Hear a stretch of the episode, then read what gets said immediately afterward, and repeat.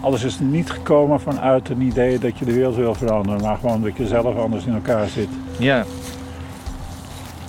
Dat je het voor jezelf wil beantwoorden. Ja, dat je op zoekende bent, denk ik.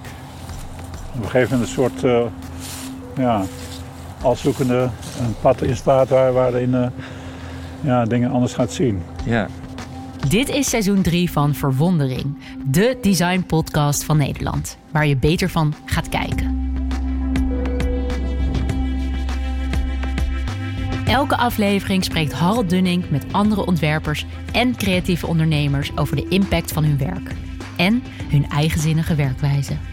Van kunstenaars tot curatoren, samen verkennen zij wat een ontwerp betekenisvol maakt. Want, gelooft Harold, door samen beter te kijken ga je meer zien. Als oprichter van het designbureau Momkai staat Harold voor Memberful Design, het ontwerpen van merken en media waarbij de groep centraal staat, met klanten van de VS tot Japan. Als medeoprichter van journalistiek platform De Correspondent weet hij als geen ander hoe je mensen samenbrengt en een ervaring tot in detail ontwerpt. Verwondering is een visuele podcast. Alles wat Harold en zijn gast bespreken kun je namelijk ook zien. Ga daarvoor naar verwondering.com.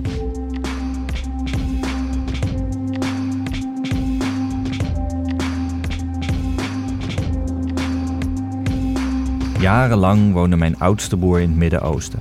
18 jaar Dubai om precies te zijn. Elk jaar genoot ik er van de Arabische cultuur en het landschap. Vooral als we die vreemde stad uittrokken door wijdse woestijnen en rotsige bergen. Van emiraat naar emiraat, soms zelfs naar het oude sultanaat Oman. Aan één ding kon ik niet wennen: de seizoenen. Voor mij leek het of er maar twee waren: warm en heet. Aangenaam in de winter, bloedheet in de zomer. Telkens bij terugkomst was ik dankbaar voor de grote wisselingen die wij mee mogen maken. Het trage bewegen van de herfst, de mysterieuze verstilling van de winter, de zwangere lucht in de lente, de zindering van de zomer en weer terug naar het trage goudgeel van de herfst. De natuur geeft ons zoveel cadeau: landschap om te zien, te ruiken en aan te raken. Het opbloeien en verwelken, elk jaar weer. In al deze landschappen kun je weer landschappen creëren. Parken en tuinen, van een besloten stadsdakterrasje tot kilometers openbaar groen nabij een museum. Lang was dit alles een nogal formele bedoeling. Denk aan bedjes vol eenjarige bloemen die we al kennen sinds de 19e eeuw. Of wat dacht je van het groen beton uit de jaren 60 met massa's gelijkvormige heesters? Dat je ook heel anders de beplanting kunt ontwerpen, bewijst onze gast van vandaag. Niemand minder dan Piet Oudolf. Actief sinds 1975 en volgens zijn definitie geen landschapsarchitect, maar een landschapsontwerper.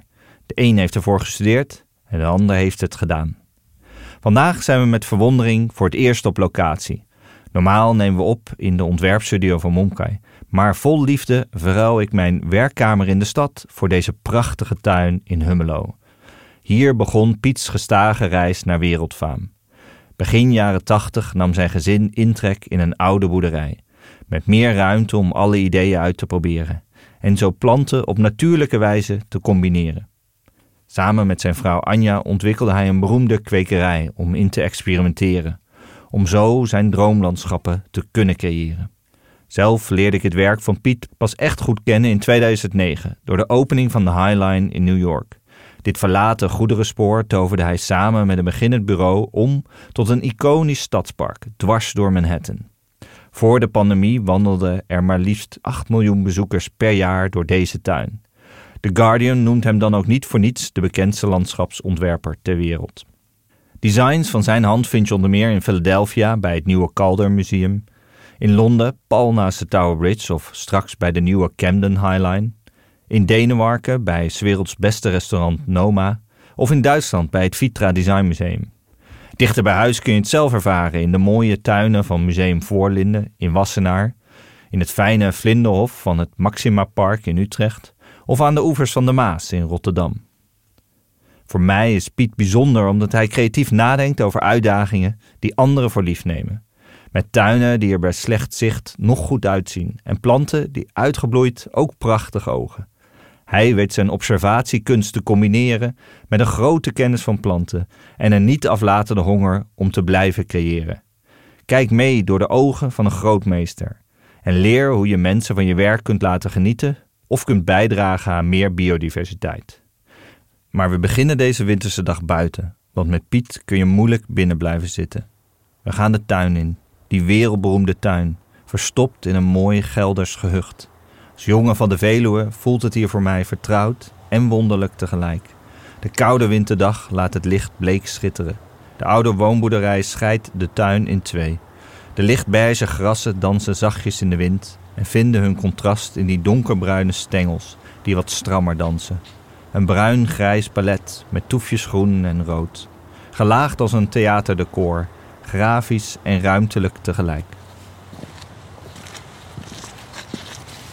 Nou, hier is begonnen. Dit is eigenlijk de tuin, hier is de tuin waar we eigenlijk, uh, toen we hier kwamen in 81, 82 eigenlijk, uh, is Anja gekomen. 81 ben ik aan het verbouwen geslagen uh, in december, in de winter. Verwarming gemaakt en dergelijke. Toen hebben we eigenlijk in 83 de eerste borders hier gemaakt. En eigenlijk niet vormgegeven. We hebben eerst gewoon een stuk alles omgespit. Ja. Ook nog allemaal zelf gedaan. En toen uh, aangeplant. Dit is een heel oud stuk van de tuin eigenlijk. Ja. Het oudste gedeelte. Want is de, de voortuin was het belangrijkste, begreep ik, om, om, om meer te laten zien. Ja, achter was een, uh, we hadden hiervoor, dat is waar we straks komen, Ja. een proeftuin. Er werden Ja. alle nieuwe planten neergezet om te kijken wat ze deden en hoe ze eigenlijk zich eh, gedroegen en ontwikkelden. Ja, woekerend of niet woekerend. Ja. eh, eh, genoeg winterhard of langlevend, dat soort dingen, daar keken we naar. Ja. Dat was in de voortuin. Achter hadden we de moerbedden. Dat is eigenlijk uitgangsmateriaal voor de kwekerij. Ja. En dat hebben we daar... ja, dat is allemaal veranderd. Ja. Eh, die, die proeftuin is toen verdwenen omdat het onder water is komen te staan. Ja. Toen hebben we dit, eh, deze cirkel hier gemaakt en dan ook het pad en een beetje meer vorm gegeven. De trappen erin gemaakt omdat Ja. het eigenlijk eh, in een soort helling naar beneden liep. Een soort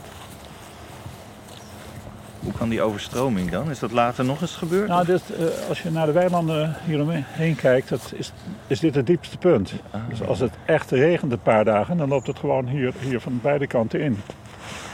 Dus we hebben het maar geaccepteerd en we werken met de omstandigheden. Dus als het winters onder water staat, dan, eh, ja, dan pompen we het gewoon weg. Eigenlijk krijg je dan ook ineens een wit vel weer. Dat je weer opnieuw eigenlijk het mag Ja, maar- inrichten. Ja, half. Ja, is dat iets te het is geen tekenpapier hoor.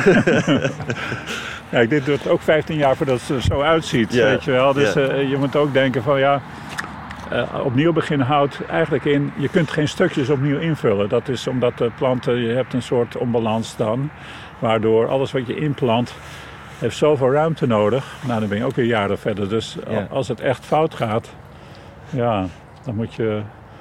Dan ga je niet zeggen, we gooien het hele stuk eruit. Ja, want dan, ja. eh, dan, dan ben je gewoon... Ja, dat kost weken. Hè, dan moet je er een bedrijf bij halen. Dan Ja. moet het eruit gehaald worden, omgespit worden. Je moet planten hebben. Nou, hier gaan snel eh, toch 15.000 planten Zo, in. Hè, dus ja. dan... eh, natuurlijk in, in deze tijd van het jaar het meeste...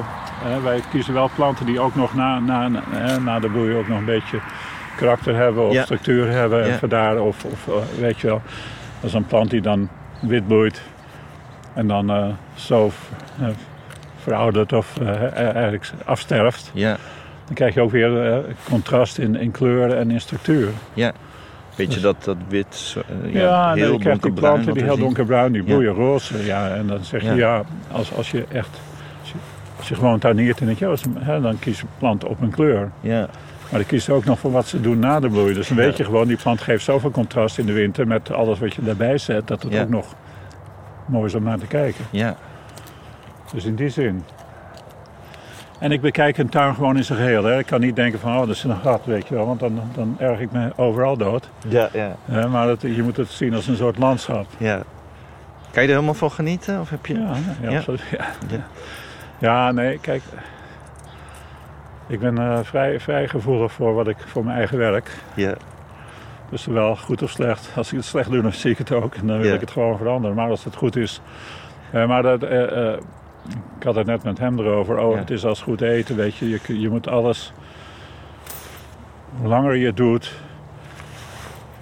zie je de dingen toch anders dan de meeste mensen. Weet Ja. je wel. Hoe meer je met tuinen bezig bent en met planten, zie je het gewoon als. als ja, je hebt dingen al honderd keer doordacht. Je hebt het al honderd keer gemaakt. En als iemand een opmerking heeft, dan denk je: ja, nou, je mag gelijk hebben, maar ja, weet je wel. Ja, De consequenties zijn toch dat en dat. Je weet precies wat er gebeurt als je, als je te veel reageert op wat de ander denkt. Je moet ook zorgen dat, eh, zeker eh, hier ook, ik verander wel eens wat. ja, Ja, maar dan moet ik er zo een plek uithalen hè, van vierkante meters. Omdat die planten gewoon lucht moeten hebben en licht moeten hebben om, om Ja. eh, aan te staan. Duurt het nog twee jaar voordat ze volwassen zijn. En dan, ja, dus je moet daar je moet met veel dingen rekening houden.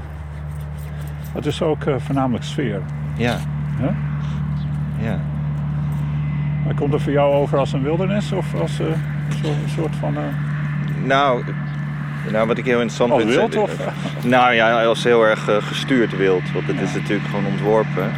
En de tekening zijn het nog wel harde lijnen en harde rondingen. Ja, maar die, die vervagen. Ja, die vervagen. En daar, daar wordt Ja. het heel mooi zacht van. Maar ehm, Nou, dat is ook wel waar. En weet je, je kunt ook... eh, als een tuin zo oud is als deze, hè, die 15 jaar oud is, is het toch wat je zegt meer sturen en meer editen. Dan Ja. hè, meer eruit halen, wat erin zetten, kijken waar dat kan. ja, Maar ook dingen laten gaan. Hè, dat je denkt van ja, goed, het ziet er gewoon goed uit. Ja. En accepteer dat het ontwerp niet meer het ontwerp is. ja.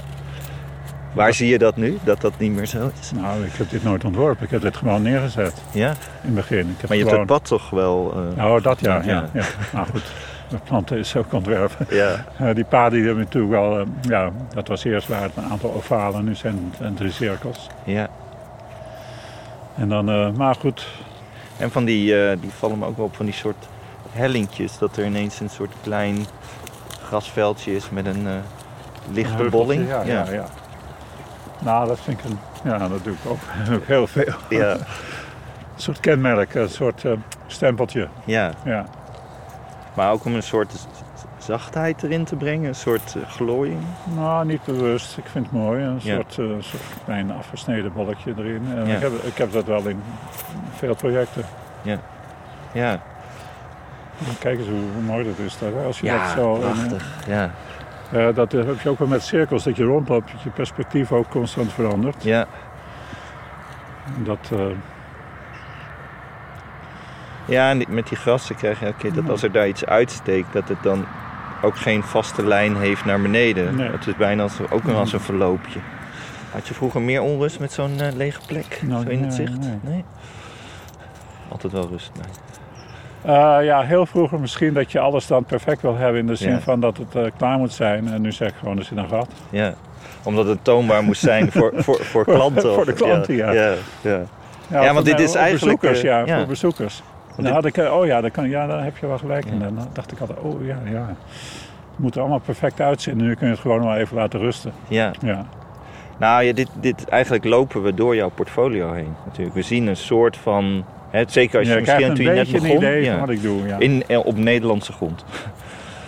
Ja, dit, Ja. ja. dit heeft zich zo ontwikkeld dat ik kan niet zeggen waar het ergens anders is eh, in deze soort beperkte wildheid, hè, Ja. als ik het zo mag zeggen. Ja, En ander is toch meer gestructureerd en dat moet ook eh, een paar tuinen waar de tuinen al ouder zijn dan, hè, zo, die tuin in Chicago is 20 jaar oud. En dan Engeland heb ik ook een hele grote openbare tuin, die is ook al 20 jaar. En dan zie je toch dat de tuin met de juiste mensen goed. Ja. Hè, of, of een beetje vermoeid raakt. Dat je denkt, nou, dan moet wat anders gebeuren. Want dat, eh, het zijn, zijn natuurlijk ook, je hebt ook een, ja, een duur... Een, duurzaamheidsdatum, of Ja. weet je dat? Een- nee, houdbaarheidsdatum. Houdbaarheidsdatum, Ja. ja. Ook voor een tuin hoor, voor dit soort dingen. Want eh, we staan hier nu, er staat, je ziet geen boom staan in deze tuin. Ja. eh, terwijl ik hele eh, eh, stukken aanleg waar alleen maar bomen staan met onderbeplanting. Hè? Ja. Dus ik word ook vaak afgerekend op het feit dat ik zogenaamd geen bomen gebruik. Ja, ja, ja. Terwijl ik er eh, duizenden heb gebruikt. ja. Maar dat eh, komt gewoon, eh, je, je werkt, dit is het meest dynamische aspect Ja. van het tuinieren, het meest moeilijke, maar ook het meest ja, emotionele, hè? omdat er zoveel gebeurt in een aantal seizoenen. ja. Maar goed, ik kan me voorstellen, in, in- meer in het begin, toen dit nog, nog niet zo Ja. lang bestond, dat je dan, had je natuurlijk ook nog geen boeken en zo, dat, dat je dan wel natuurlijk heel keen bent van, oké, hier moet ik het echt tonen nu, in de, ja, ik denk de jaren tachtig. Ja, ik, ik weet niet echt eh, hoe ik dat. eh kijken.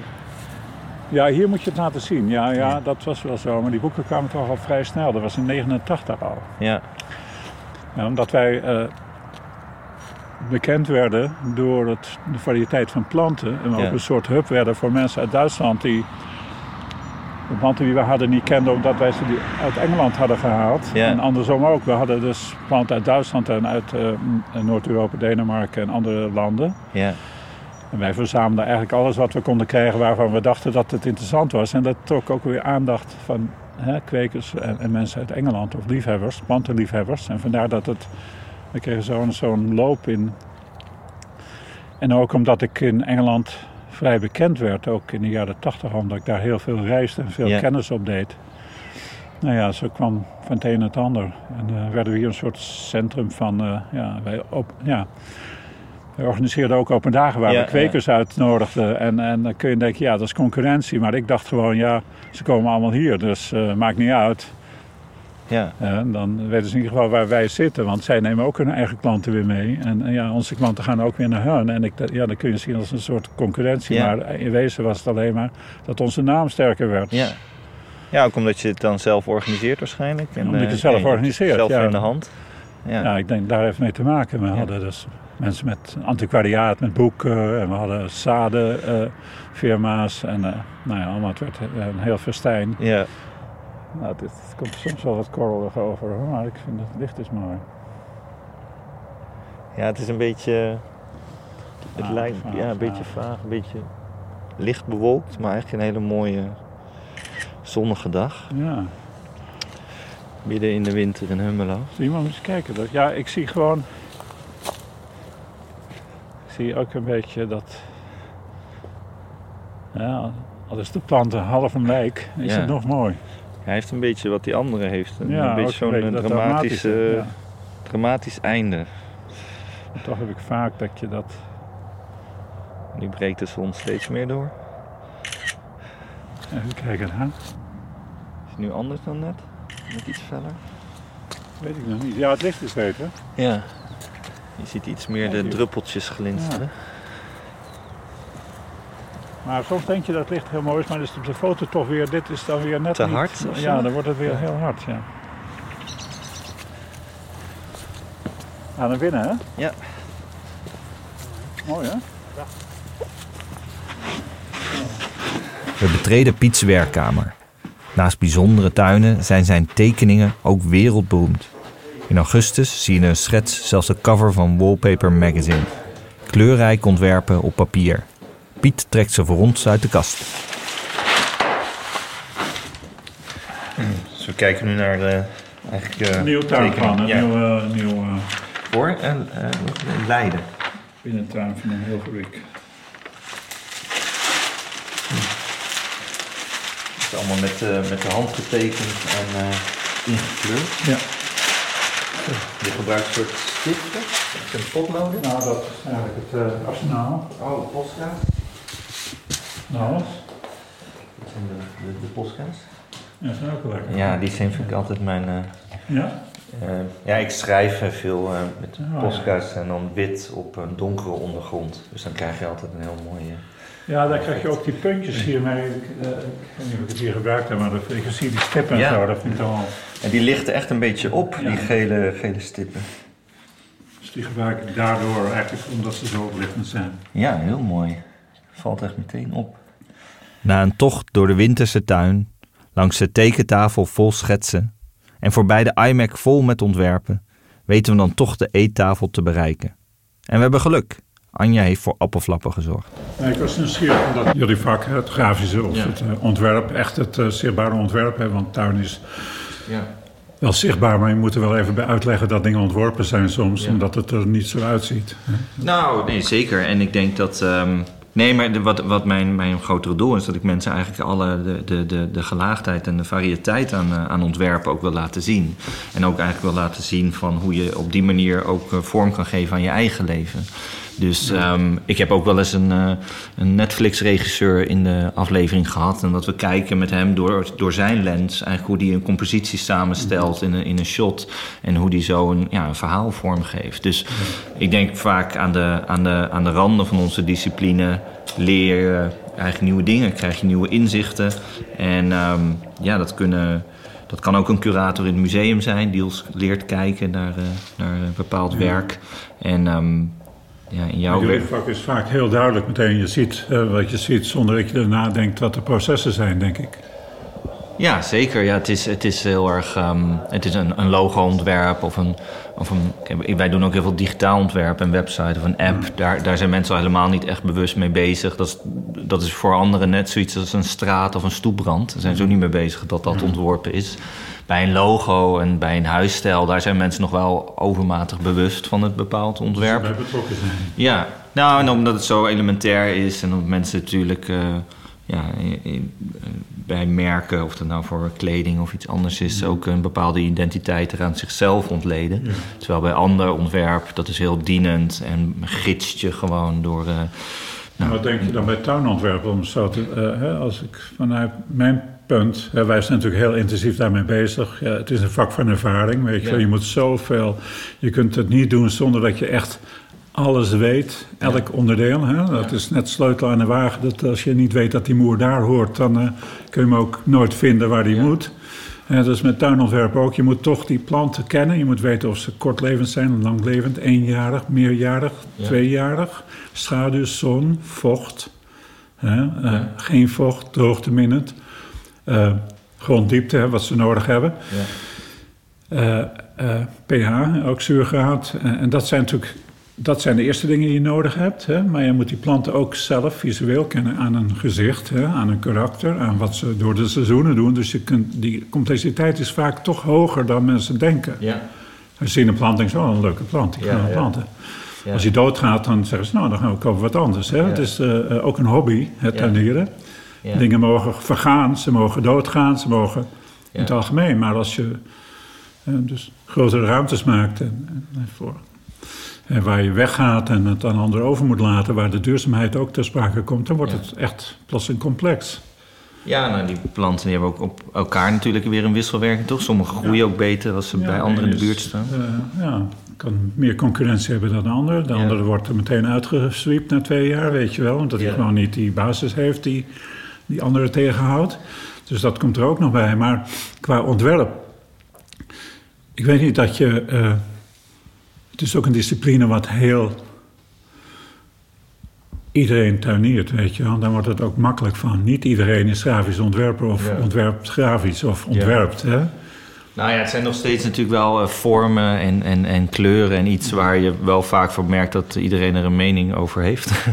en, ja, uh, wel, ja, en uh, ik kan me voorstellen dat, dat um, ja, dat bij, zeg maar bij tuinontwerp je in bovenmatig veel particulieren hebt die hobbymatig uh, die zich erin storten en dan waarschijnlijk iets vinden van het werk. Nou, een leuke tuin maken natuurlijk vaak ja. voor mezelf. Ja. Maar ik denk het onderscheid zit, maak je een tuin voor jezelf, een tuin voor andere mensen die je los moet laten en de toekomst instuurt. Ja. Ja, zonder dat je daar uh, al te veel aan hoeft te veranderen. En dat is natuurlijk het verschil. Ja. En dan plotseling heb je zoveel nodig uh, aan kennis dat je. Uh, en dan ben je nog niet 100% zeker van je zaak, omdat het overgelaten moet worden aan anderen die het onderhouden. Ja, ja. ja dus het is wel een, een, hoe noem je dat, een verraderlijk vak. Nou, dat, dat vind ik sowieso heel interessant, die, die, uh, het, het, onderdeel van, van onderhoud. En ik denk sowieso in heel veel ontwerp komt het eigenlijk terug. Of je, daar, of je nou een architect bent die een gebouw uh, zet, of, een, uh, of uh, nou, wat wij dan doen, vaak digitale platformen waar, een, waar mensen bij elkaar komen en een gemeenschap vormen. Dat ja, om het goed tot zijn recht te laten komen, moet je het eigenlijk. onderhouden. Maar ben je betrokken bij die continue beheer? Hoe, nou, soms wel, maar soms is het zo ver weg en is het zo. ja, is het begrip er ook niet dat, weet je wel, dat dat het, ja, dat het goed begeleid moet worden in die toekomst. En dan heb je ook weer mensen nodig met uh, vakmanschap. Ja. Mensen die het begrijpen, maar ook mensen die een beetje esthetische kijk op de zaak hebben. Dat hè, een plant kan groeien en een ander overgroeien. En dan kan zeggen, ja, dat hoort niet, want Ja. er staat niet op de tekening. Ja. Maar als je een goede kijk hebt en je kijkt, denk je, ja, het staat best mooi als hij iets groter is en dat die plant weggaat, is niet erg. En zo moet je het ook zien. Als een tuinier is een heel proces van, van, van, je zet iets neer wat vaak meer is dan wat er overblijft na zoveel jaar. Dus je moet het ook kunnen, niet alleen dingen eruit kunnen halen, maar het liefst zo min mogelijk terugplanten. Dus je moet eh, het goed in de gaten houden waar dingen elkaar verdringen. En moet je dat terugbrengen naar de proportie of moet je het kunnen laten gaan. Je hebt natuurlijk ook nog een complexere zaak. Dat is waar bomen geplant zijn. Dat de, de concurrentie tussen de plant en de boom wordt steeds groter. Vanuit de boom gezien. Ja. eh, vanuit de plant gezien. Dus dan moet je zeggen, ja, dan moeten we een andere plant neerzetten. Of andere beplanting juist ondermaken. Hè? Gewoon een gedeelte vervangen. Omdat die eerste beplanting het niet doet. Maar moet je dan ruimte maken voor die plant? Of... Nee, je moet gewoon iets anders neerzetten. Want je kunt je voorstellen als je een jonge boom plant, dat er geen schaduw is. Maar na tien jaar geeft hij schaduw. Dus die plant die eronder staat, die eigenlijk. Die we ontwerpen op een plant die tolerant is voor iets schaduw, maar ook zon kan hebben. Een soort intermediair eigenlijk neerzetten. Ja. Totdat het echt schaduw is. En dan moeten we. En dan moet je ook mensen bewust maken: dit gaat veranderen. En dan moet je gewoon ingrijpen als die andere plant het niet meer doet. Maar je hebt dus een soort tussentijdplant. Een plant die... Ja, eh, ja, je kunt, eh, als je echt een jonge boom, hè, waar het blad nog niet volledig en de kroon nog niet volledig volgroeid is, dan kun je geen schaduwplant onderzetten, want die verbranden zomers. Ja. Dus ja, wat zoek je dan? Een plant die het heel lang volhoudt, hè, die, die zon kan hebben, maar ook als die boom groeit, wat concurrentie van die boom kan hebben, ook wat schaduw kan hebben. En sommige planten kunnen ook wel, er zijn varens die kunnen droogte en zon hebben, maar ook in de schaduw staan. Dus weet je, dat moet je allemaal een beetje soort eh, uitbalanceren voor- in je ontwerp al. Maar je ontwerpt eigenlijk voor eh, veerkracht en een lange levensduur. Ja. Ehm, en eh, nou, wat, wat me wel opviel, eh, want het onderhoud is denk ik een heel, heel belangrijk punt daarin. Dat eh, bijvoorbeeld bij eh, naast de Tower Bridge in, in Londen, dat de omwonenden daar zelf een soort fonds hadden gecreëerd. Zodat ze niet meer afhankelijk waren van het stadsdeel, maar een soort hoofdtuinman konden, konden aannemen.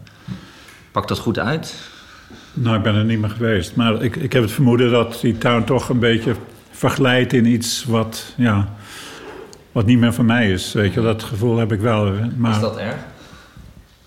ik kan niet, weet je, dingen los kunnen laten. Dus je Ja. moet eh, dingen die erg zouden kunnen zijn als ik niks anders had dan alleen de tuin in Londen, weet je wel. Ja. Als het een voorbeeld was voor wat je werkt. Maar kijk, eh, als zij er blij mee zijn, als ze niet blij zijn, dan zullen ze dat veranderen. En ik, eh, dat, in die manier kan ik ook denken. Ja. Ik ben soms wel gefrustreerd als ik zie dat het onderhoud niet goed is, terwijl het een hele mooie plek is. Dat kan ook. ja. Hè, er zijn allerlei variaties op waar, waarom je denkt laat maar gaan of waarom je denkt wat zonde. Dat, dat heeft te maken met waar het is en ook eh, wat, wat gedaan zou kunnen worden en niet gedaan wordt. Dus dat is één ding. En, hallo Ann. Wil jullie niet storen? Oh, boterhammen. Ja, Lekker. lekker ook nog. Niet veel storen, ik, Zet maar op tafel. Ja.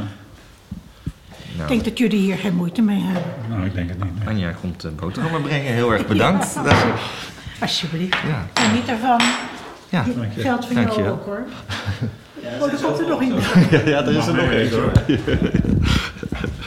We hebben natuurlijk ook tuinen zoals in Detroit en, en Delaware. eh, daar daar hebben ze een, een, een, en ook de Highline, die hebben en Lourdes Garden vrijwilligers. Hè, die komen. Vlindertuin trouwens ook in de, Utrecht. de Vlindertuin in Utrecht. Dat is ook gebaseerd op eigen vrijwil- vrijwilligers die eh, eh, hè, gewoon tijd vrijmaken om die tuin te onderhouden. Wat natuurlijk, ja, dat is ideaal.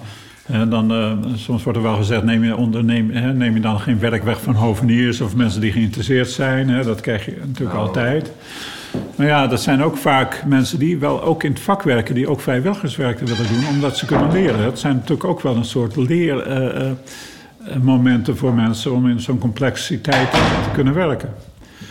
Eh, Dus het zijn niet alleen maar mensen met pensioen die het als een soort sociale ontmoetingsplek zien, maar Ja. ook jongere mensen die het zien als een, eh, ja, die wat willen leren op tuingebied. Want Vlinderhof, waren niet ook de vrijwilligers ook de opdrachtgever? Was dat niet ja, het die hebben dat wel geïnitieerd. En als het goed is, eh, eh, Mark Kikkert, hè, dus de initiatiefnemer... die heeft het eh, opgezet als een project voor eigenlijk die, die omgeving waar ze wonen. In het, Maximilian, in het Max, Maxima Park. Ja. West 8 ontwerp, trouwens. Uh, ja, die heeft het opgezet, ook geld van de gemeente gekregen voor de aanleg. Het werd ook met vrijwilligers ook uh, gedeeltelijk aangelegd, ingeplant Ja. en onderhouden. Dus, en het wordt perfect gedaan. Ja, het is eigenlijk een schoolvoorbeeld van uh, hoe het moet. Ja, en leuk, daar kan ook iedereen heen. Dus je kan het sowieso op verwondering.com in de gallery zien. Maar deze ja. kunnen mensen natuurlijk gewoon... nou, centraler in Nederland dan Utrecht kan niet. Dus dan kunnen ze gewoon naar het Maxima Park. Nou, ik zou dat zeker doen. Want ik ben, ik ben er dus van herfst geweest. Er waren nog wat opnames voor een, een leerprogramma. En ja, dus het is de moeite waard. zeker voor, voor mensen die in tuinieren geïnteresseerd zijn. Maar ook van hoe zo'n openbare ruimte er na acht jaar, geloof ik, nog steeds uit kan zien.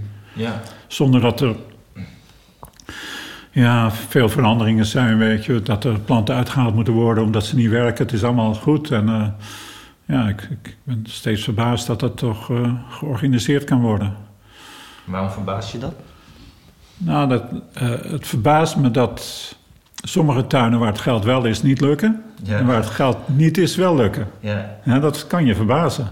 Ja, maar het heeft dus een uh, soort liefde en toewijding ook nodig. Een echte in, ja, uh, liefde en toewijding. Begrijpen dat een tuin niet zomaar iets is wat je plant en dan gewoon ja, door alleen maar te harken en te schoffelen kan te onderhouden. Je moet ook een beetje kijken wat gaat er fout. En zij zeggen ook wel, nou die plant doet het niet echt goed enzovoort.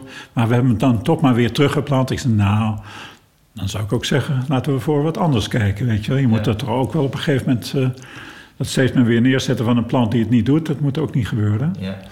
Niet dat er daar veel gebeurt, maar toevallig was ik daar, dan hadden ze het over een plant. Ik zei, nou, dan moeten we wat anders verzinnen. Dus Ja. ja, uh, ja het kan allemaal. Het is toch een...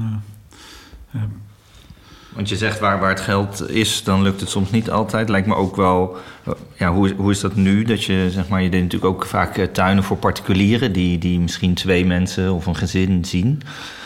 Ja, dat wel hoor. Ja, ik bedoel. Uh, ja, dat. Ik werk nog steeds wel voor particulieren, maar het is wel zo dat je weet dat je bezig bent voor man, vrouw, kinderen en de familie. Hè? En uh, dat er soms een zandbak of een trampoline gepland is die, die je liever niet ziet. Hè? Dat, dat is natuurlijk wel waar. Maar ja, het heeft natuurlijk ook met sympathie te maken in een gesprek met mensen. Hè? Je hebt natuurlijk ook klanten die uh, oudere uh, opdrachtgevers die, die zeggen: Ja, ik heb een kennis van mij en die, en die vinden de tuin zo mooi. Dan voel je ook weer gecharmeerd. Hè? En natuurlijk Ja, ja. door sommige dingen. Het is, er zijn zoveel dingen waardoor je uh, geen nee zegt of geen nee kan zeggen. En, dus ik laat het maar zo. Ik, is, ik heb geen echt duidelijke. Ik heb wel een duidelijke richting, dat is openbare ruimte. Ja. Maar uh, ja, ik kan verder niet uh, aan alle. Alles wat ik niet wil, kan ik niet ontkomen. Maar is het ook omdat um, je bent nu 77, denk 77. ik? Ja, dat je ook anders kijkt naar het werk wat je maakt en, en wat, je, ja, wat je voor anderen achterlaat. Dat je daarom meer de publieke ruimte opzoekt. Dat dat nou, heb ik altijd wel gewild. Eigenlijk vanaf 2000 voelde ik wel van. Uh, in het algemeen, particulieren kunnen heel aardige mensen zijn, maar, het, het feit. Over het algemeen zijn ze natuurlijk wel aardig. Hè? Ik bedoel, Anders krijg, je, al, anders, krijg je, anders krijg je al ruzie met, uh, in het eerste gesprek. Wat ook wel eens gebeurd is, hoor, dat je meteen de mensen heel dwingend. Uh, uh, dit niet en dat niet. En dan, ja, dan zeg je helaas kan ik het niet doen. Dat komt wel eens voor. Wat, wat, wat, um, wat gebeurt er dan? Is dat, heeft iemand dan een, eigenlijk al een soort vastomlijnd idee waarin Ja, jij ja, zou ja, moeten voldoen? Ja, zeker. Ja.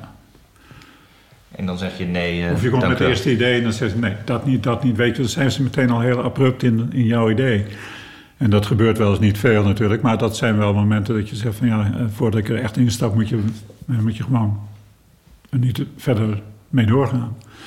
Maar over het algemeen is het, uh, is het gewoon goed werken met particulieren, maar het feit dat niemand het kan zien en ook vaak als het op grotere projecten is, dat, niet, nou, dat ze eigenlijk ook geen publicatie daarvan willen. Ja. Uh, je, je werk wordt in de doofpot gestopt. Ja, wie wil dat? Ja. Hè? En, en dat is het vaak. En dan heb je wel vier, vijf jaar gewerkt aan een project. En je bent er zelf heel blij mee. En je wil foto's hebben, je krijgt ook foto's, maar je mag er niks mee doen. Ja, wat heb je daaraan? Hè? Dat, uh, dus daar, vandaar dat openbare ruimtes, waar hè, in sommige gevallen miljoenen mensen per jaar komen, andere gevallen 10.000, 20.000. Dat is allemaal even lief voor mij, omdat je daar mensen ja, mee confronteert met iets wat ze nog niet eerder gezien hebben, vaak. Of iets wat ze, uh, waar ze benieuwd naar zijn van hoe dat gemaakt is, of benieuwd naar zijn van, ja, uh, van kan ik dat ook? Hè? En, en waar kan ik die plant halen? Want die heb ik nog nooit eerder gezien, dus je krijgt zoveel. Ja, maar ook emotioneel kan het mensen raken. Dat, je, dat ze, zeker in, met mooi licht en uh, ja, een mooie herfstdag of voorjaarsdag, wanneer het eerste groene weer uitkomt. Het heeft zoveel. Uh, die emotionele waarde van een tuin breng je daar ook weer in een soort verveel, uh, vermenigvuldigde vorm naar boven omdat mensen de interactie mee hebben? Of dat ja, de interactie. Het is net of je voor een... Kijk, je voetbalt zonder publiek of met publiek. Ja, ja. ja en ik doe het liever met publiek en dat doet de voetballer ook. Hè? En zo zie ik dat. Hè? Je moet toch even dat... Je hoeft het applaus niet te horen, maar je moet wel weten dat de mensen uh, het zien en daarmee aan de gang gaan en voor zichzelf afvragen: kan ik dat ook en ik wil het ook leren? Of, hè, je, krijgt, je brengt toch allerlei processen met, bij mensen op gang. En zeker in de tijd waarin we nu leven, dat weet je ook, dat is geen tijd waar, waar je als jongere, hè, als, als jongere blij mee bent. Hè, Met alles wat er gebeurt, ook in, op milieu. Dan is planten zien of parken, dat zijn toch uh, momenten hè, waar je echt naartoe gaat nu, bewust. Bewuster dan vroeger. Ja, zeker. En dat, um, Jenny Odell noemde dat heel mooi, de architecture of nothing. Dus parken waar je eigenlijk naartoe kan gaan um, om eigenlijk ook niets te doen. Nee. Um, uh, en losgekoppeld van, wordt van wat we traditioneel als productief zien.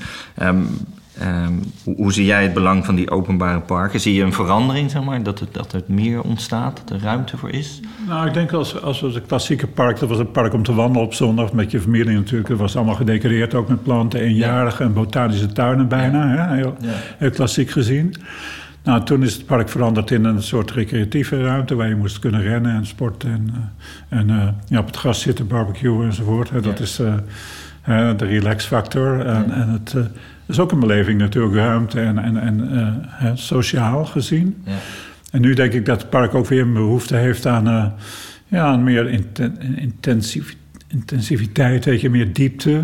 Vandaar dat er ook meer groen ontworpen wordt in de openbare ruimte door gemeentes en dergelijke. Dat ja. gebeurt. Hè? Dus je gaat toch weer zien dat het naast de recreatieve van het rennen, het fietsen, het sporten, het, het, uh, het yoga en alles wat we vandaag de dag nodig hebben om uh, ons goed te voelen. Ja. Dat er toch ook weer een andere behoefte bij komt, het milieuaspect. Hè? Het, uh, nou, en het is, uh, het is volgens mij ook wetenschappelijk bewezen dat het kijken op groen ook al rust geeft. Zeg maar. Dat je dat vaak ja. mist in de stad. En als je nu bijvoorbeeld, nou, weet niet, op stations kijkt of zoals Utrecht CS of zo, dan zie je nu ook borders, ook op het perron. Oh, ja, ja, dat er meer groen, meer ruimte voor groen ook mag zijn. Ja, moet zijn. Hè? En eigenlijk zou het. Ja, wij vonden het altijd al raar dat er helemaal geen budget was voor groen. Hè? Ja. Ja, wel voor traditionele heestersbomen en dan zo min mogelijk onderhoud. Maar tegenwoordig wordt er ook nog wel wat gezien uh, in het onderhoud. En de ene gemeente doet het beter dan de andere. Hè. Het wordt vaak ja. aangelegd en verwaarloosd, dan is het weer niks. Ja. Dat gebeurt ook vaak.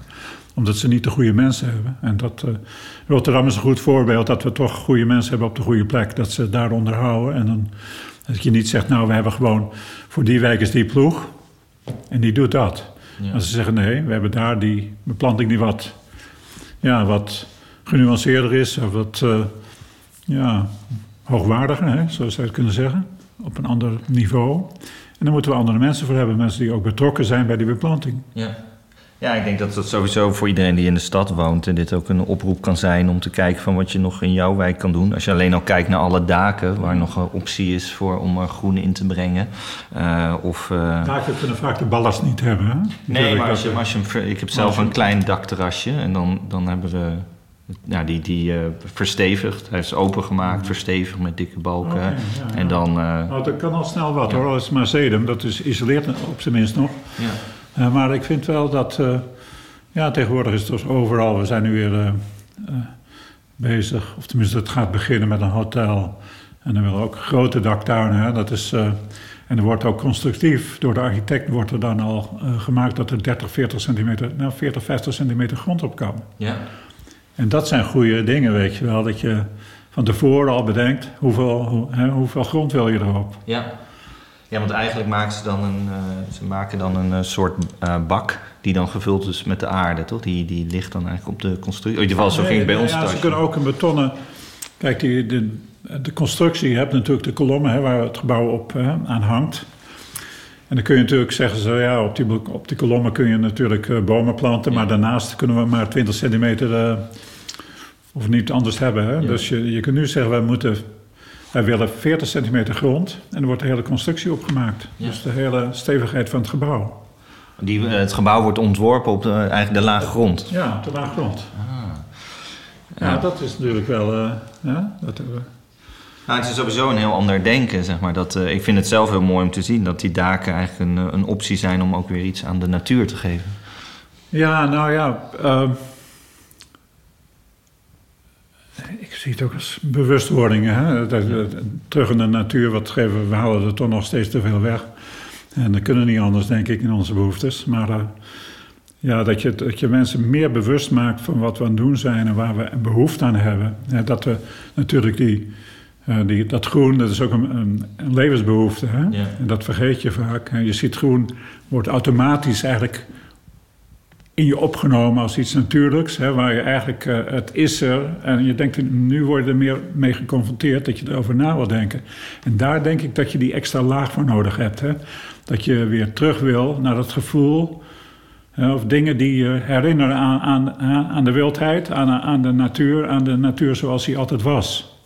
En ik denk dat daar die moderne stroming van beplanting een beetje aan, aan, aan, aan gekoppeld wordt. Hè? Dat je, je krijgt het idee, het is niet wild, maar Ja. het- je hebt wel het gevoel, het is wild. Ja.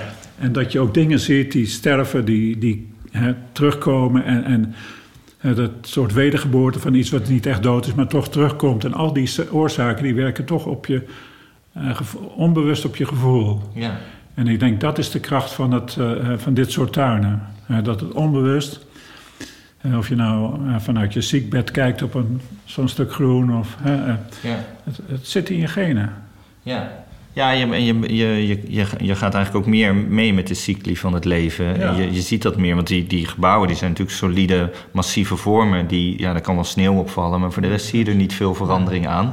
Eh, terwijl van de natuur je dan ja, die, die, die volgordelijkheid veel meer ziet. Ehm, Nou, alles heeft een cyclus. Dat gebouw stort Ja. ook op een gegeven moment in. Maar wij, onze, kijk, alles is gerelateerd aan ons. Kijk eens, een, een soort buizerd, een witte zie je daar. oh ja. Wat een buizerd. Dat hebben we hier ook nog wel. Ja. Maar goed, eh, alles is gerelateerd aan onze eigen cyclus, die misschien hè, 70, 80, 90 jaar is. Dat is Ja. een cyclus van een mensenleven. Ja. En daar leggen we alles aan vast. Hè? Dus een boom die 500 jaar oud wordt, die zien we gewoon niet. Hè? Ja. Want dat gaat zo langzaam. Maar een tuin die wij maken, hè, waar vier seizoenen, zo'n hele cyclus, die, die werkt veel sterker op je, op je verbeelding. Ja. Ook op je gevoels, eh, eh, gevoelsmatig. Ja. Omdat je je eigen leven eigenlijk elk jaar weer terugziet. Ja. Onbewust. Je bent nu bezig eh, ook, volgens mij ook met een eh, begraafplaats in Boston. dus, hoe, hoe, denk je na over je eigen sterfelijkheid? Oh, ik ben pas de laatste paar jaar, en laatste jaar denk ik een beetje aan het denken. Sinds de pandemie. Over de eigen sterfelijkheid. Ja, ik denk dat ik er wel een keer aan ga. Ja. Het gaat wel een keer gebeuren. Maar is het ook zo dat je in, in projecten ernaar kijkt van ze, hoe lang Ah, ze ja. mogen duren? Of?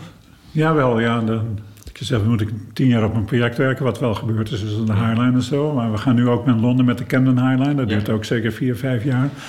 Ja, je moet er toch wel instappen. Het is niet zo dat ik bewust denk... Ik ga wel naar de kwaliteit van een project wat langer duurt kijken. En hoe we dat dan weer... Ik werk ook veel meer samen met mensen die ook beplantings... eh, eh, ervaring hebben en ook goede ontwerpers. Dus ik werk daarmee samen. Dat je denkt, ja, je moet het op een gegeven moment... Ja, mocht er wat gebeuren, dat iemand dat gewoon over kan nemen op een Ja. andere manier.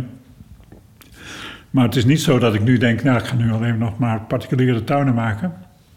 Die in twee jaar klaar zijn. Ja. Ja, dat doe ik ook niet. Dus ik, als het een mooi project is, stap ik erin. Dat is van Calder, Caldor, hè, ja, in Philadelphia. Philadelphia. Dat is het landschap met eh Herzog de Meuron. Ja. Ja, daar gaan we ook mee bezig. Wanneer dat klaar is, weet ik ook niet. Hè? En, uh, ja, het uh, architectenbureau Herzog de Meuron. Natuurlijk ja, wereld, wereldberoemd. Uh, en Alexander Calder was een Amerikaanse kunstenaar die van de mobiles, ja, zullen mensen wel tentoonstelling in de kunsthal in Rotterdam. Ja. En dus... maar goed, ik... ja, ja, ik stap er gewoon in. Ik bedoel, ik, dit moment doe ik alleen nog maar eigenlijk uh, een beetje erover na, denk er alleen maar over na. We hebben dan af en toe een vergadering van de ontwikkeling van het terrein en hoe dat dan in elkaar gaat zitten. Hè? Dat er, ja. er, veranderen allerlei kleine dingen en ik ga pas met beplanting bezig als het helemaal klaar zit. Ja. Klaar is. Ja, het klinkt meer alsof je overal nog middenin zit, toch? Ja, ja. ik wil het niet. Ik denk er wel eens aan en dan zeg ik, oh, ik heb al tien projecten, maar het zijn er meer hoor. Maar ja. ik vergeet vaak ook nog wat ik Oh ja, we hebben natuurlijk met uh, Herzog en Meron ook nog een nieuw project in, uh, in Basel. Dat zijn, uh, op een helling staat een huis en dan liggen dan vijf daktuinen op een, op een huis. Vier, nou, vier daktuinen. Dat lijkt me ook wel een hele mooie uitdaging. Dus ja, ik ben wel... alles is een uitdaging. Ik denk dat dat volgens mij een hele goede levensinstelling is. En ik denk dat veel landschapsontwerpers dat ook denk ik, gewoon kunnen gaan omarmen. En misschien ook nog meer dat publiek mogen omarmen. Ja, ik denk, weet je, het, natuurlijk is het een uitdaging. Want ik zie nergens een probleem in als ik op het moment dat ik ja zeg... totdat het moment komt dat ik aan moet beginnen, weet je. Dan heb ik plotseling, denk verdomme, weet je wel. Dan uh, is toch... Uh, ik heb nog nooit ergens korter over gedaan, omdat ik die ervaring heb. Elk proces, elk ontwerp heeft een proces nodig, dat weet je ook. Ja. Dat je in elk stadium moet je elke keer weer doorlopen om tot een resultaat te komen. Je kunt niet denken, nou, dat heb ik al tien keer gedaan, dus ik doe even tot... en, dit en dat. Ja. Het is niet een kwestie van dat je hetzelfde altijd maar weer kan doen. Nee, en je moet het natuurlijk nog steeds doen. Maar ik ben in ieder geval heel blij dat je ja zei tegen ons. En dat wij uh, als publiek even in jouw uh, tuin mochten kijken. Nou, ik hoop wel een beetje. nou, het komt wel over, denk ik. Mensen zullen wel begrijpen wat ik bedoel. En, maar ik hoop dat het een beetje bijdraagt aan het, aan het begrijpen van hoe ingewikkeld het vak op zichzelf is. En ook het kijken van hoe andere mensen daar naar kijken. Zeker, ja. En denk ook hoe leuk het vak is. Ik denk niet iedereen dat uh, ziet van, uh, dat dat ook een ontwerprichting is die je op kan pakken of zelf kan proberen in je tuin. Het is een onderschatte ontwerprichting. Want ik denk uh, het ontwerpen beplanten, maar dan ook nog het gevoel hebben voor ontwerp, ja. dat moet samengaan. Dus eigenlijk is ons vak een talent, is niet één talent, twee talenten. Hè? Het, het ontwerpen en de plantenkunde. Ja. Ja, voor iedereen die zelf dat wil ontwerpen, je kan ook. Uh, ik zag dat je tekeningen kan kopen, je kan ook lijsten kopen. Je kan bijvoorbeeld volgens mij van uh, voor Linde dat ook. kan je het zelf proberen als mensen iets. oh, ik heb wel ja. tekeningen op online staan, maar weet, weet, het is voor mij. Kijk, ik ben gewoon.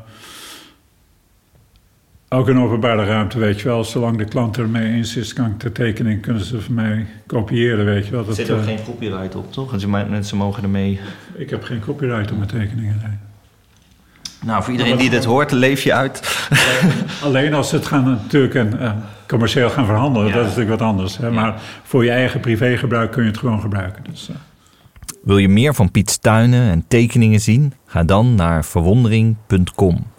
Elk beeld wat je ziet is ook een link naar een artikel voor meer verdieping. Voor als je geen genoeg kan krijgen van deze droomplanten en parken.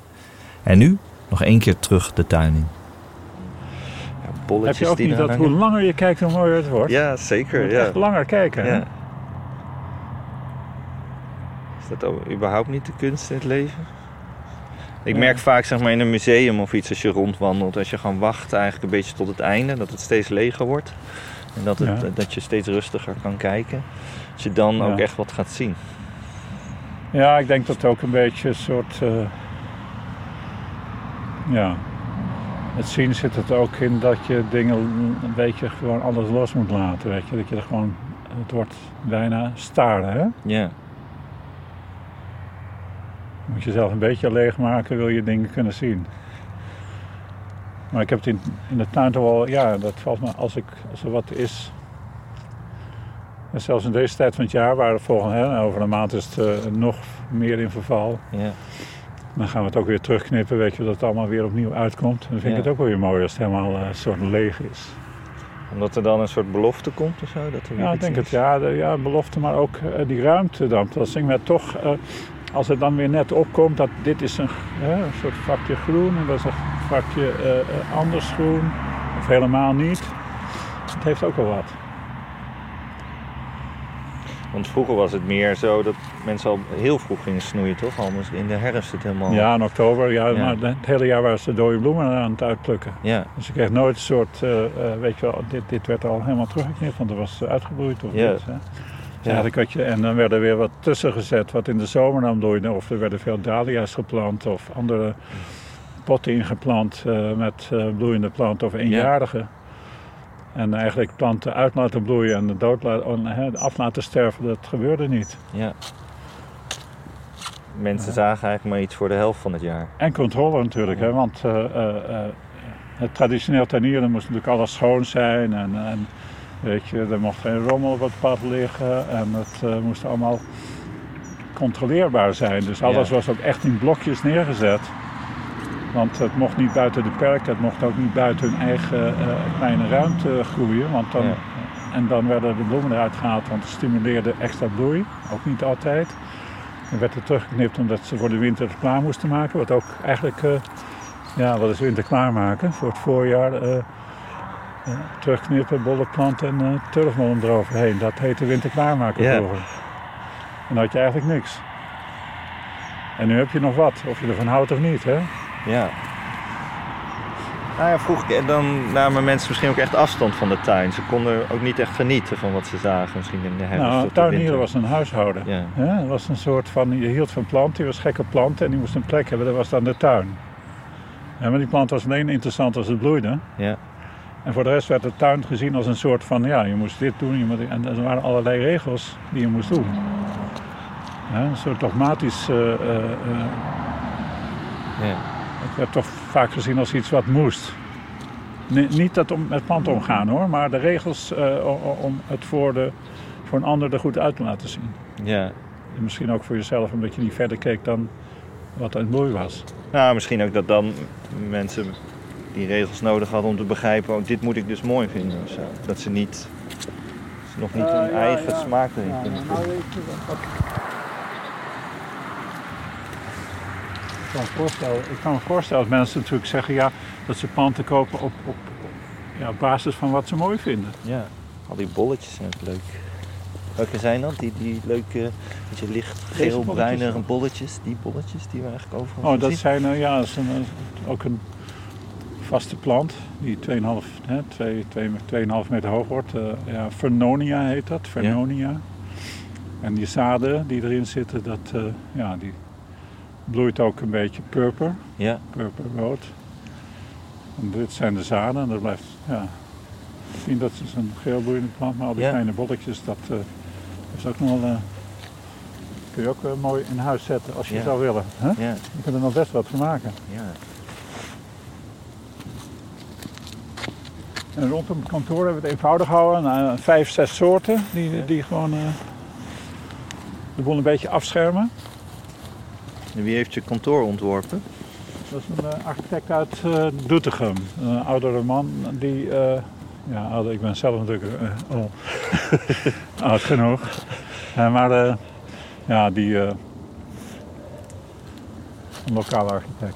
Maar het is meer geïnspireerd op, op Homburg. Dat is een soort complex van gebouwen, kunst, kunstgebouwen in Duitsland. Ja. Duisburg en een van die gebouwen hebben een soort voorbeeld genomen om dat uh, hier ook neer te zetten. En hoe is dat zeg maar, om dan eigenlijk iets weer erbij te bouwen? Zeg maar iets bij te laten ontwerpen bij je, naast je eigen ontwerp, je tuin?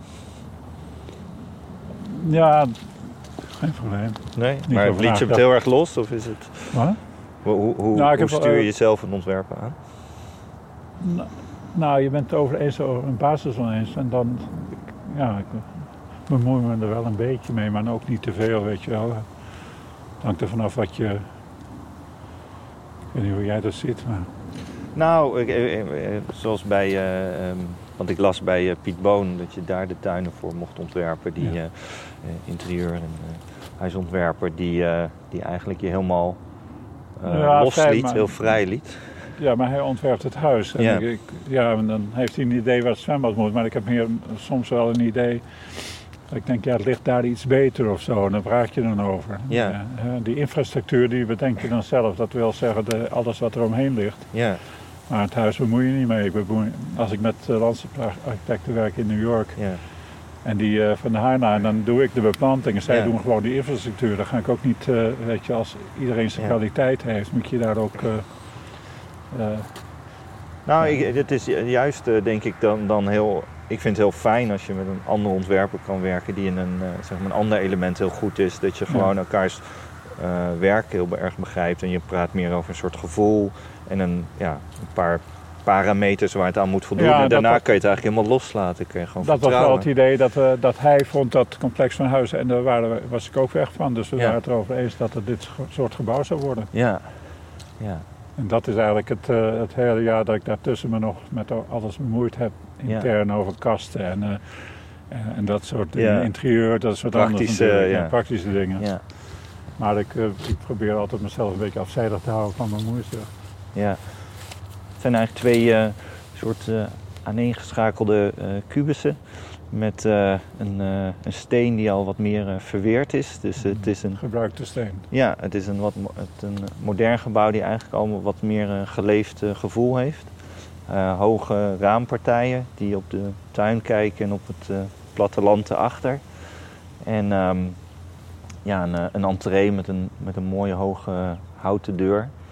En de, de raampartijen hebben een soort ja, lichtgrijze frames die ze ook wel een beetje zachter maken, terwijl het wel gewoon modern is.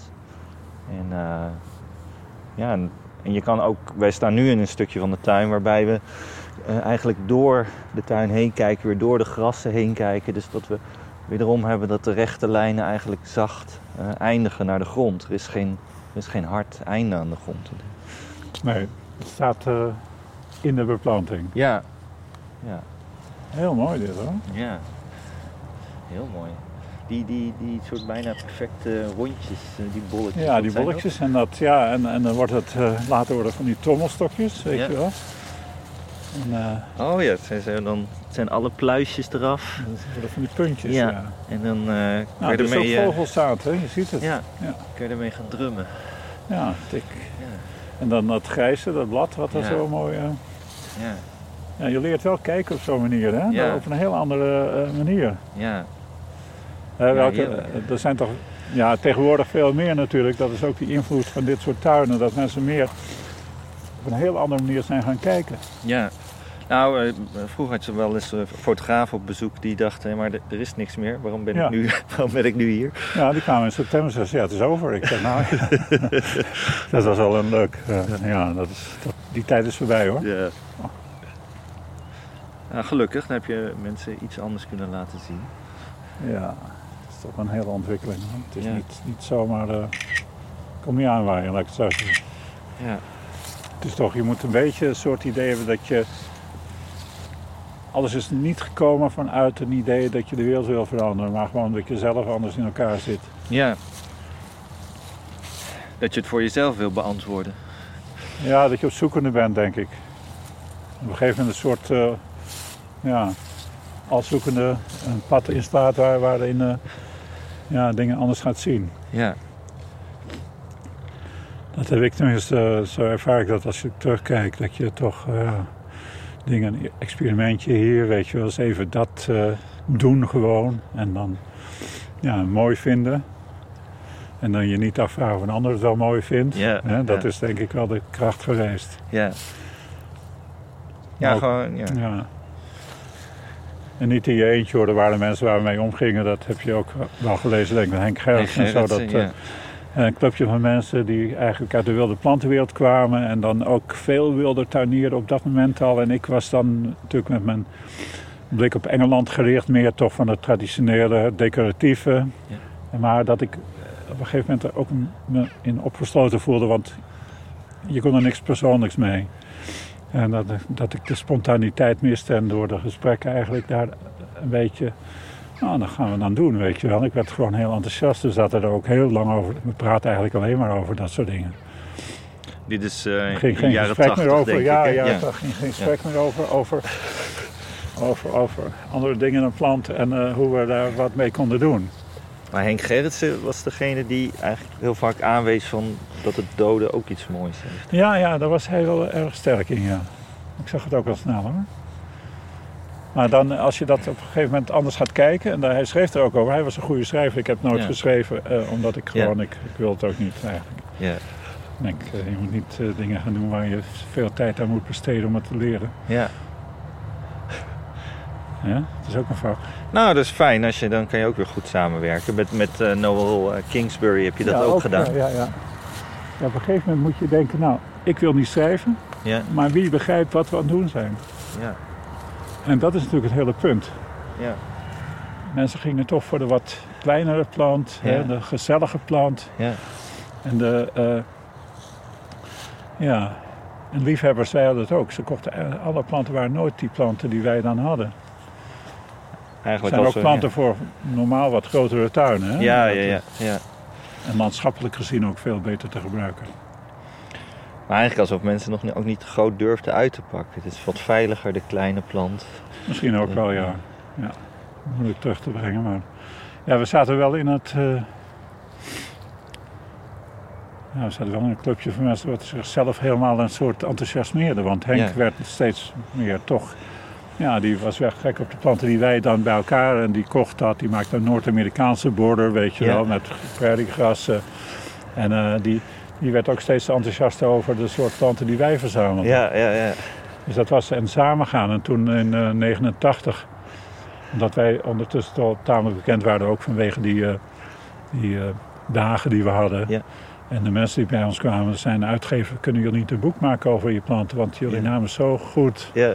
Nou, toen zei ik, Henk, laat een boek maken. En Henk die had, ja, eh, Henk kon goed schrijven, dus dat is Ja. het eerste boek geworden. ja. Met veel ook, ik denk bijna allemaal jouw foto's. Nee, het was van zijn vriend, Over Anton dan. Anton. Ja. Ja. Nee, ik, later ben ik zelf gaan fotograferen. Ja. Die tijd had ik er eigenlijk nog niet zo'n... Deed het wel, maar Ja. Anton was altijd aan het fotograferen. Dus dat waren de enige foto's die we toen hadden. Wat, wat leerde je van Antons blik? Anton was meer de creatief... eh, eh, ja, de creatief niet. Van fotograferen weet ik niet of ik daarvan geleerd heb. Maar voor dat moment waren het goede foto's. Ja. voor... Zeker voor die tijd. Dus hij maakte ook niet een plantenfoto, hij maakte een combinatie. En dat, dat eh, vaak een plant met nog een plant. En dat maakt het vrolijk of anders. Want daarvoor was het vaak gewoon één plant individueel. Ja, ja, individueel, met plantenportretten. Hè? Ja, ja, Ja. ja. ja. Ja. En wij maakten een soort eh, border, of hij maakte dus de tuin. Dan zag je de hele eh, groentetuin, weet je wel, met zijn vogelverschrikkers erin Ja, en zo. ja. Dat werden planten die toen ook door.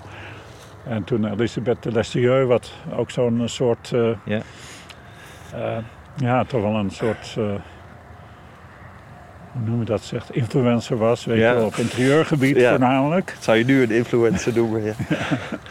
ja. En toen, die schreef ook over natuurlijk eh, eh, ja, interieur en tuinen. En daar kwam het ook allemaal in voor. Dus dat was allemaal dat was wel een mooie tijd.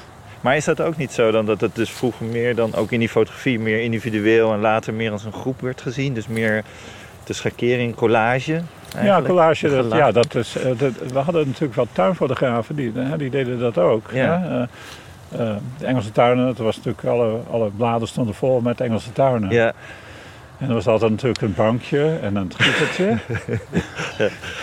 en daarachter een leuk tuinhuisje en er stond een plant omheen. Ja. Zo ging dat. ja, Eh, of je zag natuurlijk eh, vaak wel een plantdetail, ja. maar nooit zo die echte landschappelijke foto's die nu eh, gebracht worden. ja. Eigenlijk zag je ook geen ontwerp, je zag gewoon een... Ja, nee, je zag nooit. een- ja. Nee. Nee, dat is waar. En heel ongevaarlijk ook eigenlijk. Soort helemaal... Bedrieglijk. Ja, het, ja. bedrieglijk. Alleen... Alsof je alleen de positieve puntjes uit het leven laat zien. Ja, nou ja, daar bloeide ook alles, hè, Ja. Engelse tuinen. Want er stond altijd wel een pot met iets nieuws klaar om ertussen te zetten. Ja.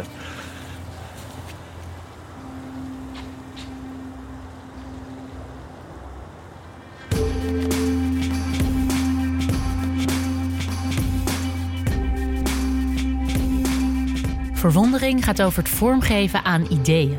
Hoe groot, moeilijk of bijzonder ook, de eerste stap begint vaak klein. Bij Momkai zitten de experts die je helpen om een plan van 0 naar 1 te brengen. Om een nieuwe start-up vorm te geven bijvoorbeeld, of een digitale ervaring voor je community. Dat begint vaak compact met een zogeheten Project Jumpstart om te verkennen wat jouw project nodig heeft. Met verrassende strategieën, vernieuwende platforms en doordachte merkidentiteiten is het bureau al bijna 20 jaar toonaangevend in digital design. Wil je met jouw organisatie, groot of klein, start-up of scale-up, ook eens met Harolds Design Team werken? Ga dan naar momkai.com.